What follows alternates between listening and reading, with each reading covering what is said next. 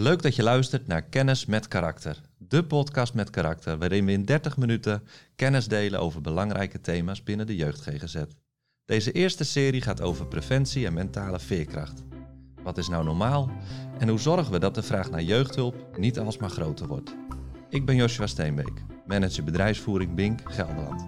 En vandaag ga ik in aflevering 2 in gesprek over preventie in het onderwijs met Astrid Ottenheim en Bente Geertman.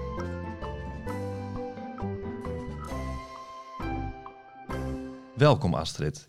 Jij bent directeur-bestuurder bij Passend Primair Onderwijs in Noord-Kennemerland, onderzoeker meervoudig perspectief nemen in het omgaan met gedrag en grondlegger wegwijs in gedrag. Waarom moeten we het wat jou betreft over dit thema hebben? Ja, ik vind het een uh, belangrijk thema, uh, mentale veerkracht en preventie, omdat ik zie dat uh, twee derde van de aanpakken van de, voor moeilijk gedrag, van de interventies, eigenlijk, zegt de inspectie, onvoldoende werken. Nou, en dan moet je dan eens gaan realiseren, al die inspanningen die het kind, de leerkracht en de ouder daarvoor doen, en die werken niet. Nou, wat ik zie, is dat daar ook hoop voor vliegt. Geen hoop meer dat het werkt. Kinderen denken, ja, wat zou het, het werkt toch niet, ik doe het toch niet goed, ik kan het niet alleen. Ouders die denken, jee, wat is er met mijn kinderen aan de hand? En die gaan zoeken en die zien van, ik word ook radeloos. En leerkrachten die denken, ik doe alles, maar het lukt me niet. En dat doet ook iets aan hun eigen zelfvertrouwen en ook aan de verwachtingen die ze hebben ten aanzien van de kinderen. Terwijl kinderen met moeilijk gedrag hebben leerkrachten nodig die net de mogelijkheden zien en hun blijven steunen. Ja, dankjewel, dat, dat maakt ook nieuwsgierig. Daar hoop ik meer van te horen, want uh, het zou mooi zijn als we in deze podcast ook misschien een stukje hoop kunnen brengen daarin. Dus uh, daarover zou laten mooi zijn. Ja. Welkom ook Bente Geertman. Jij bent gezinsbehandelaar bij Bink. Uh, en Bink staat dan voor behandeling in de klas. En je werkt al meer dan 12 en een half jaar bij karakter. Ja, mensen zouden zich kunnen afvragen wat een derde lijns instelling als karakter in het onderwijs doet. Uh, wat is behandeling in de klas en waarom draagt dat wat jou betreft bij aan preventie in het onderwijs? Als behandelaar in de klas werk ik uh, dus bij uh, Bink. En Bink is, is, behandeling in de klas. daar waar we voorheen heel veel behandelden vanuit de derde lijnse organisatie. Ehm, op locatie, op de polykliniek, zijn we eigenlijk nu steeds meer aan het werk op de scholen. Uh, daar op de plek waar uh, de problemen zich eigenlijk voordoen met de kinderen en de leerkrachten. Dus waar we voorheen zeiden, kom maar naar de polykliniek en daar gaan we dingen oefenen, zeggen we nu eigenlijk, we doen dit op school. En niet alleen het kind, maar ook met leerkracht. Dus eigenlijk uh, ja, gaan we daar naar de plekken waar zich de moeilijkheden voordoen. En ja, het mooie ervan is dat we de expertise kunnen delen. Hè. Wij van de leerkracht, de leerkracht van ons. Dus dat is uh, wat mij betreft waarom die derde lijns organisatie op scholen uh, werkt. Ja. Is, ja. Dat, is dat wat jou betreft ook dan direct uh, het preventieve erin? Dat je zegt van nou ja, doordat we het echt in de context van het kind doen, nemen we die context, dus ook de onderwijzers, ook ouders eromheen, mee zeg maar zodat zij ook meeleren en andere kinderen ja, ja, nou ja, dat is het absoluut. Dat, zij, dat ze ook meeleren en dat we samen leren. Um, ik weet nog, want je noemde, ik ben 12,5 jaar werkzaam bij karakter. In het begin kwamen de kinderen en toen werkte ik op de dagwandeling ook alleen daar. En belden wij af en toe met ouders. Maar nu is het echt dat ouders lezen dagelijks onze rapportage mee. Uh, ik spreek de leerkracht dagelijks. Uh, dus met z'n allen doen we dat preventieve. We doen het samen. Dat, dat is echt zo. En het is ook zo dat wat ik inzet gaat soms mee naar huis. Uh, ik hoor hoe het thuis is gegaan. Dus kan daar weer op, op voortbeduren. Dus ehm, daar zit het preventieve denk ik wel echt in. Dat we het met z'n allen doen. Ja. Nou, hartstikke mooi. Astrid, wat zie je eigenlijk gebeuren in het onderwijs? Ja, dat is gebeurt heel veel. Ja. dat is een hele grote vraag, ja, eh, Joshua.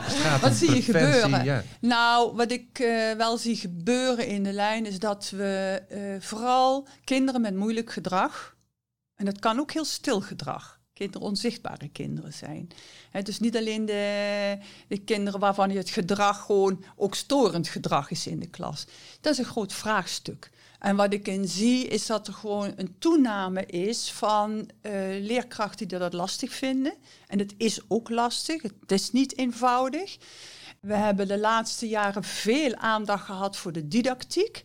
En gelukkig, daar ben ik ook heel blij mee, is, eh, want didactiek is belangrijk, maar de pedagogiek is wel het voertuig voor de didactiek.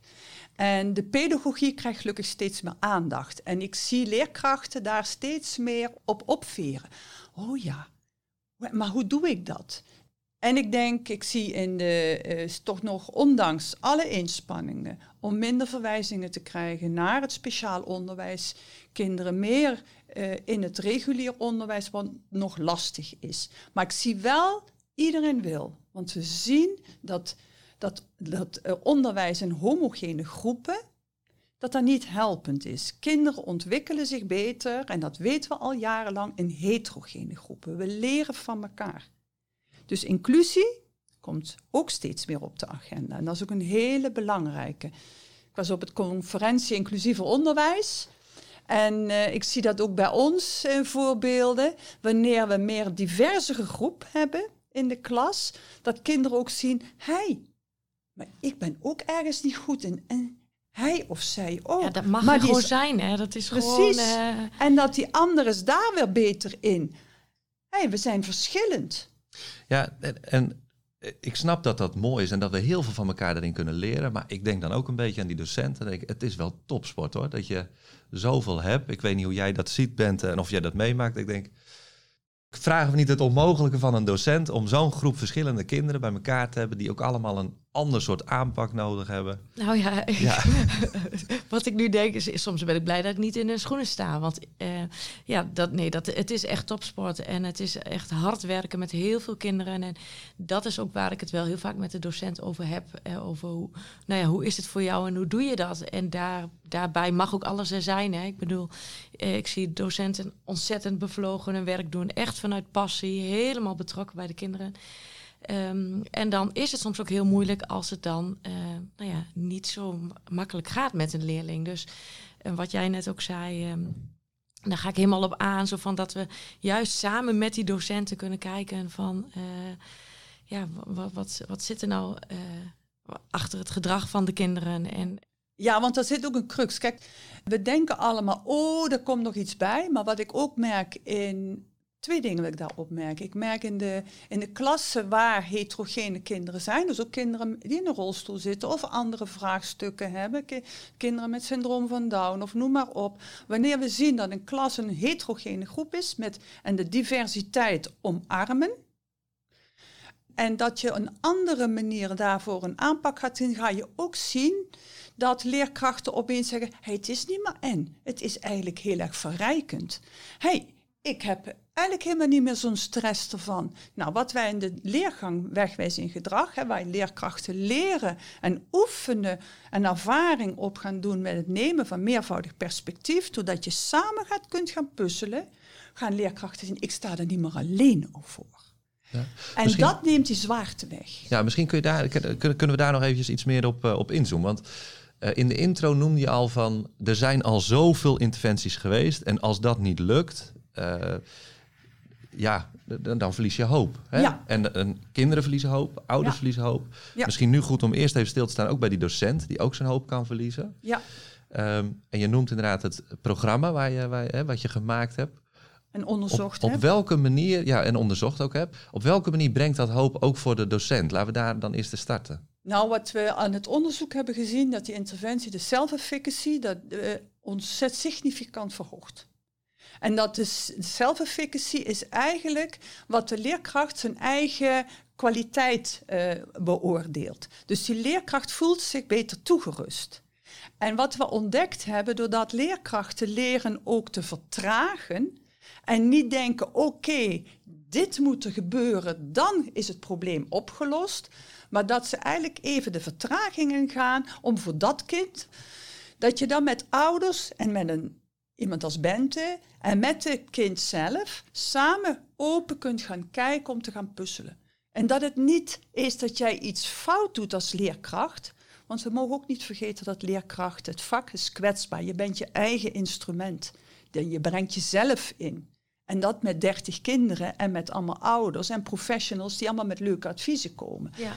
Nee, Nou ja. het samen puzzelen, dat is echt helpend en leerkrachten voelen zich dan sterker worden. Nou ja, en, en wat jij net heel mooi zei, uh, ook dat de focus meer mag liggen op het, um, het welzijn van het kind, in ja. plaats van dat didactische stuk.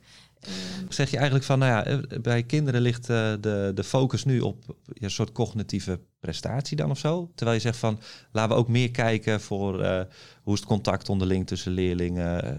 zit hij lekker in zijn vel? Ja, ja. Tenminste, in mijn werk, zeg maar, met wat ik doe in de gesprekken, is wel heel veel kijken naar, naar dat stuk ook. Het stuk van gedrag, emotie, het welzijn en alles wat daarbij hoort. Hè? Dat omarmen, wat jij ook net zegt. En wat minder op dat um, leren, leren, leren. En, en moeten als van nou ja, praktisch voorbeeld met hoeveel werk er gemaakt moet worden, bijvoorbeeld. Ja. Nou, ik wil daar wel een nuance over brengen. Kijk, eh, leerkrachten, waarom zijn die daar? Om te zorgen dat kinderen willen leren en zich kunnen ontwikkelen. Hè? En, en, en het is handig dat je gereedschappen hebt in je leven, dat je snapt hoe de wereld in elkaar zit, dat je de, leer, de wereld kunt ontcijferen en dat je daar dingen ook mee leert omgaan maar wat ik nou zie, um, is dat de balans zoek is. We zijn zo gericht op onderwijs efficiënt inrichten. En dan uh, hebben we het bijna alleen over de, direct, over de didactiek. En die didactiek is cruciaal voor het leren. Maar we zijn vergeten dat 70% van het effect van een, van een didactiek de relatie is.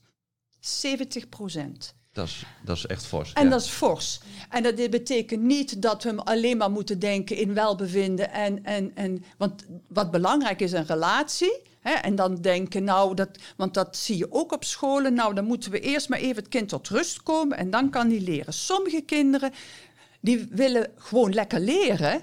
En dan komt de rest ook. Maar die, je moet het gaan combineren. Dus we, ja, moeten... dus, dus we moeten het niet als tegenstelling van elkaar gaan zien? Nee. nee. Maar juist dat je zegt van het, je hebt het nodig. Het een heeft het exact. ander nodig. Ja. Het een heeft het ander ja. nodig. Dus een goede didactiek met een goede uh, uh, directe instructie, met een goede opbouw, moet gecombineerd worden met de pedagogiek. En en ook niet in de efficiëntie wat we zijn gaan doen van uh, uh, dat we denken dat dat allemaal leren een rechte lijn is. Ik kan iets overbrengen, maar dat betekent nog niet dat de ander wil leren. En we mogen daarin wat meer in de rust gaan doen. Want kinderen leren ook, ook op het moment dat er even pauze is. Want je hebt je werkgeheugen is vol. Je raakt overprikkeld. Hè? En, en, maar dat gebeurt bij een kind ook als je continu zijn zo lang alleen maar bezig bent in de leerstand. Dat gaat niet. Nou, dat, die dynamiek, daar mogen we meer uh, in balans gaan brengen. Ja, ik stel voor dat we eens gaan kijken hoe uh, we ook de GGZ en het onderwijs, hoe dat ook samen elkaar kan versterken. Heel belangrijk. Astrid, hoe uh, zouden we kunnen samenwerken vanuit GGZ en onderwijs? waarbij we ook een beetje de schotten kwijtraken ja, die schotten die zijn er en dat zijn volgens mij maar denkbeeldige schotten die we zo in de, lange jaren van de, ja, we zijn als organisaties ingericht, ieder vanuit zijn eigen bu bubbel. Iedereen heeft een hele belangrijke deskundigheid en vanuit een ander perspectief. En wat we met elkaar te leren hebben is om de tafel te zitten met elkaar, elkaar te gaan ontmoeten en samen te gaan puzzelen. Dus ook niet, want in het verleden hadden we wel eens uh, mensen die kwamen zeggen: Kijk, uh, ik ben de arts, of ik ben de psychiater, of ik ben de psycholoog en ik heb ervoor gestudeerd. En die gingen dan allemaal adviezen aan die leerkracht geven. Nou, de leerkrachten merkten: Ja, wel leuk allemaal die adviezen. In het begin: Oh ja, dat is wel interessant, want ja, die heeft ervoor gestudeerd. Maar op een gegeven moment merkte die leerkrachten: Ja, maar zo werkt dat niet in mijn klas, want ik heb 25 tot 30 kinderen in de klas. En een leerkracht moet keuzes maken en die maakt heel veel keuzes. 200 tot 300 interacties per uur. Dat zijn allemaal heel veel microkeuzes. Dus die leerkracht moet zelf keuzes maken. Dus als wij gaan zeggen je tegen een leerkracht, jij moet dit doen en dat doen en dan komt het wel goed, dat werkt niet. Dus, maar dat werkt ook niet voor een kind en dat werkt ook niet voor een ouder. Dus laten we samen puzzelen, om de tafel gaan zitten. Hoe zit de situatie in elkaar? Ja. Bente, nou, ja. nou ben jij zo iemand die dan uh, misschien ook wel zo'n docent komt adviseren. Ik kan me voorstellen dat jij dat ook meemaakt en dan ja, je ook daartoe moet verhouden dat je dat samen wil gaan puzzelen. Hoe pak jij dat ja. aan? Nou ja, weet je, ik denk dat samenwerking het allerbelangrijkste is en dat is waar je mee begint. Elkaar leren kennen, weten wie heb je voor je, maar daar ook over in gesprek. Het is heel belangrijk dat je dus aansluit bij de leerkracht en eigenlijk ook andersom. Dus samen kijken wat werkt voor jou. En ik denk dat we de expertises gaan bundelen. Dus uh, wat is jouw perspectief? Wat is mijn perspectief? Voorbeeld, we nemen het gedrag van het kind, maar ook uh, de kwaliteiten van het kind en de dingen die moeilijk zijn. Daarover in gesprek met elkaar. En zeker niet met een uh, wijzend vingertje van je moet dit doen of je moet dat doen. En um, een van de fijnste dagen is de vrijdagmiddag, waarin er lekker wat geknutseld in de klas, waarin ik meeloop in de klas. Um, nou ja, ook, uh, ook met uh, andere kinderen wel spreken in de klas. En uh, waardoor, nou ja, is heel vaak zeggen ze, jij bent toch ook een juf? Nee, ik ben geen juf. Ik ben eigenlijk voor dat kind, dat weten jullie. Maar, weet je, heb je een vraag? De, nou ja, ik, misschien kan ik hem beantwoorden en zo niet. Ga even naar de juf. Dus wat, we, wat ik heel erg doe is aansluiten. Ja, ja. ja en dat laatste denk ik dat dat heel belangrijk is. Want ik denk dat kinderen dan veel meer ook geactiveerd worden om daar zelf over na te denken. En dat, je gewoon het, dat dat gewoon is en dat we daar leren het gesprek over te voeren. En wat heb ik dan nodig? Dan het kind dat zelf constateert. En niet door volwassenen, maar ook door erover na te denken van wat kan ik dan doen? Dus ik zou het gaaf vinden dat jij niet zegt ik ben een therapeute speciaal voor dat kind. Nee, ik loop mee in de klas om eens te kijken en te steunen wat kunnen we, kunnen we doen zodat alle kinderen een lekkere, fijne klas hebben met de leerkracht en met jou erbij. Dan zijn we denk ik elkaar heel erg aan het versterken. Ja, en hoeven minder ja, in de preventie. Dan zijn we bezig met taal. Ja, absoluut. En wat ik nu bijvoorbeeld ook heel vaak doe, is niet alleen het kind mee uit de klas nemen, maar zeg ik, kom maar met meerdere kinderen, want dan gaan we samen oefenen aan sociale vaardigheden. Of samen in gesprek met elkaar. Of uh, ja, samen knutselen over uh, uh, wie, wie ben ik. Want wat ik heel veel met de kinderen doe, is. Um, werken, kijken naar wie ben ik nou eigenlijk, hè, zodat ze inderdaad ook zelf kunnen vertellen van hoe ervaar jij het en wat vind jij fijn, waar, als je het hebt over veerkrachten, wanneer uh, ontspan jij en wanneer uh, juist niet. Dus eigenlijk is het een, nou ja, een soort van samen in de spiegel kijken van nou ja, wat is jouw beeld en, en wat heb jij nodig? Wat jij hier vertelt, dat zou gaaf zijn wanneer we dit gewoon in een hele klas doen. En niet alleen met een clubje waarvan wij denken, die hebben dat nodig. Want eigenlijk zijn we dan bezig, onbewust, goed bedoeld, aan het segregeren. En kinderen vinden het niet zo leuk, om, vinden wel leuk die aandacht van die hele lieve juf die dan met ons iets speciaals komt doen. Maar ze worden wel uit de groep genomen en dat wordt gezien. Waarom? En kinderen voelen dat. Dat is zelden met, die, met de verschillende instructieniveaus. Al hebben we daar leuke termen voor, van een zonnetje en een maan en een noem maar op groep. Kinderen weten feilloos waarom dat is. En ze gaan is dat kwalijk, ja, denk je? Ja. want ik zie ook kinderen die naar de praktijkschool gaan uh, hè, of naar het VMBO, die voelen dat als een negatieve keuze. Want zij kunnen niet goed leren. En ze zijn al die jaren hebben ze ervaring gehad dat ze in een extra instructiegroep werden gezet. En ze zijn nooit empowered om te kijken, maar wat kan ik wel goed?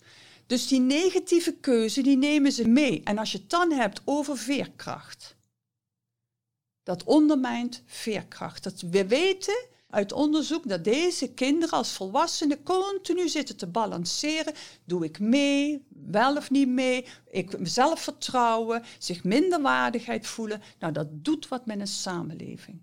Ja. En dat hebben we je, te je, doen. Je, ontwikkelt ook je identiteit door ook te zien, uh, ja, eigenlijk te kijken naar anderen en te zien, dit ben ik wel, dit ben ik niet. Maar op het moment dat je dus steeds merkt in het dit ben ik niet, dat het dus ook eh, gedisqualificeerd wordt. Dus dat je eigenlijk merkt, ik ben niet oké, neem je dat dus mee en uh, neem je mee. En al zeggen mensen het niet, hè? al zeg heb je de liefste juf, de liefste therapeut en die continu complimenten geeft, toch dat gevoel is heel sterk. En we weten dat kinderen, ook op wanneer er uh, een, een, leerkracht of een ouder uh, ergens non-verbaal ontevreden is, zou ik maar zeggen, dat ze altijd zichzelf disqualificeren. Ze denken niet, nou die ouder of die, of leerkracht heeft slechte zin. Nee, ik ben niet oké. Klopt, ik, Ja. ik zie ook heel veel kinderen die dan steeds het gevoel hebben, ik ben toch wel weer anders. En eh, Exact. vanuit de GGZ komen kinderen natuurlijk bij ons als er al wel problemen zijn. Eh, tegelijkertijd merk ik ook de andere kant dat ze het soms wel heel fijn vinden om even de erkenning te krijgen. Wat is er? En dat het ook, dat ik ervaar ook kinderen die het heel fijn vinden om juist wel uit de klas eh, gehaald te worden en te, te horen wat er is. Maar als je dan dat klaar hebt, zeg maar, en duidelijk hebt, om het dan vervolgens echt te integreren Ja. in de klas, Kijk, dat is denk maar daarin ik eigenlijk heel dan zeg, dan, dan zeg je, eh, is het zo dat door hoe we het dus nu met elkaar georganiseerd hebben in de maatschappij, dat je het haast nodig hebt om dus een reden te hebben om anders te mogen zijn? Voilà. Nou ja, wat En ik... is jouw eh, punt dan van eigenlijk zou je die reden niet meer willen hebben? Nou, kijk, in, in ons leven hebben we heel veel hobbels. Hè? Dat hoort bij het leven. We vallen en opstaan en we leren van het opstaan. Eh, maar wat ik ook zie, we brengen ook soms, maken misschien wel de hobbels eh, lastiger en ingewikkelder door wat voor impact bepaalde zaken kunnen hebben op de ontwikkeling van een kind. Nou, ik ben ervoor dat we eh, dat proberen te gaan voorkomen. En het gaat nooit perfect, want de perfectie bestaat niet in het leven. En we hebben ook therapeuten nodig die dan een kind een keer apart nemen. Hè, want dat kan een opluchting geven. Als jij continu denkt, ik Ja. ben bijzonder en ik, En waarom ik lukt voel mij waarom lukt mij Ja. dat niet? Dan heb je even een, een volwassene nodig die jou daar aandacht over geeft. Ja, zeker. Dat is belangrijk. Maar kunnen we ook niet zorgen dat we dat minimaliseren? Want het neemt nu alleen maar toe. En, en dat probleemgerichte denken met allemaal aparte interventies, daar zit een crux. En kunnen Ja. we niet meer de omgeving versterken door bijvoorbeeld de aanpak die jij doet voor de hele klas, waardoor er geen uitzonderingen, want ik denk dat nog wel meer kinderen daar baat bij zouden hebben. En dat we dat samen met leerkrachten doen. Of dat de leerkracht dan gewoon eens lekker kan toekijken wat gebeurt er. Dat is ook eens fijn. Nou, laten we dat op een andere manier doen. Dus die context waar de kind opgroeit, thuis, de buurt, op school, gaan versterken met Ja. dit soort dingen, zodat we minder interventies nodig hebben. Ga ik Ja, hem proberen en- en jij samen te vatten hoor. eh, Want, want dan, dan zeg je dus eigenlijk, ehm, of tenminste, dan zou je misschien helemaal aan de voorkant moeten beginnen. Dan zeg je gewoon, nou begin gewoon vanaf de kleuterklas af aan om te leren dat het normaal is dat je open vragen aan elkaar stelt. Dus dat je Ja. op, eh, vanuit die houding met elkaar Ja. meebeweegt. Dat Ja. je klassikaal al, dat je het onderwijs ook gebruikt omdat kinderen daar zoveel zitten.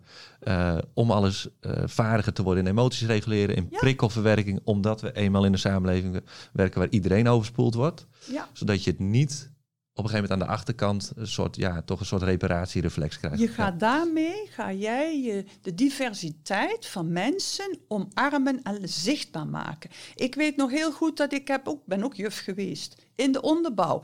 En ik dacht opeens iedereen, hè, eh, ik zag in de, in de beweging dat kinderen eh, dachten dat ze allemaal hetzelfde waren. Nou, toen ben ik gewoon, en ook hetzelfde reageren, hetzelfde gevoel hadden bij een fenomeen of iets wat er gebeurde.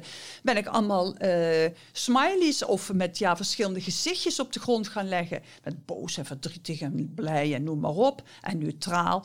En toen ontdekten kinderen bij een situatie die ze net hadden meegemaakt, gewoon gaan s- staan waar jij nu voelt dat jij hoort te staan. Wat bij, je, bij jouw gevoel past. Nou, dan zag je de div- diversiteit. Ja, het is heel simpel. Maar die zijn we vergeten. En het werkt zo versterkend. Nou ja, dat gun ik Ja. Eigenlijk genoemd. onszelf, ons Ja. allen. Ik ben- Ik ben het helemaal met je eens. En ik denk dat het, het verschil tussen ons is natuurlijk dat jij helemaal in de preventieve.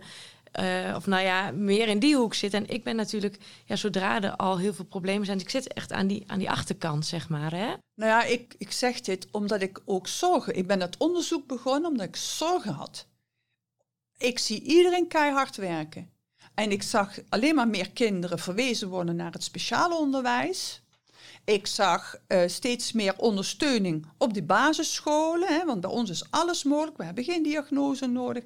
En toch zag ik van, hé, maar het lost niet altijd op.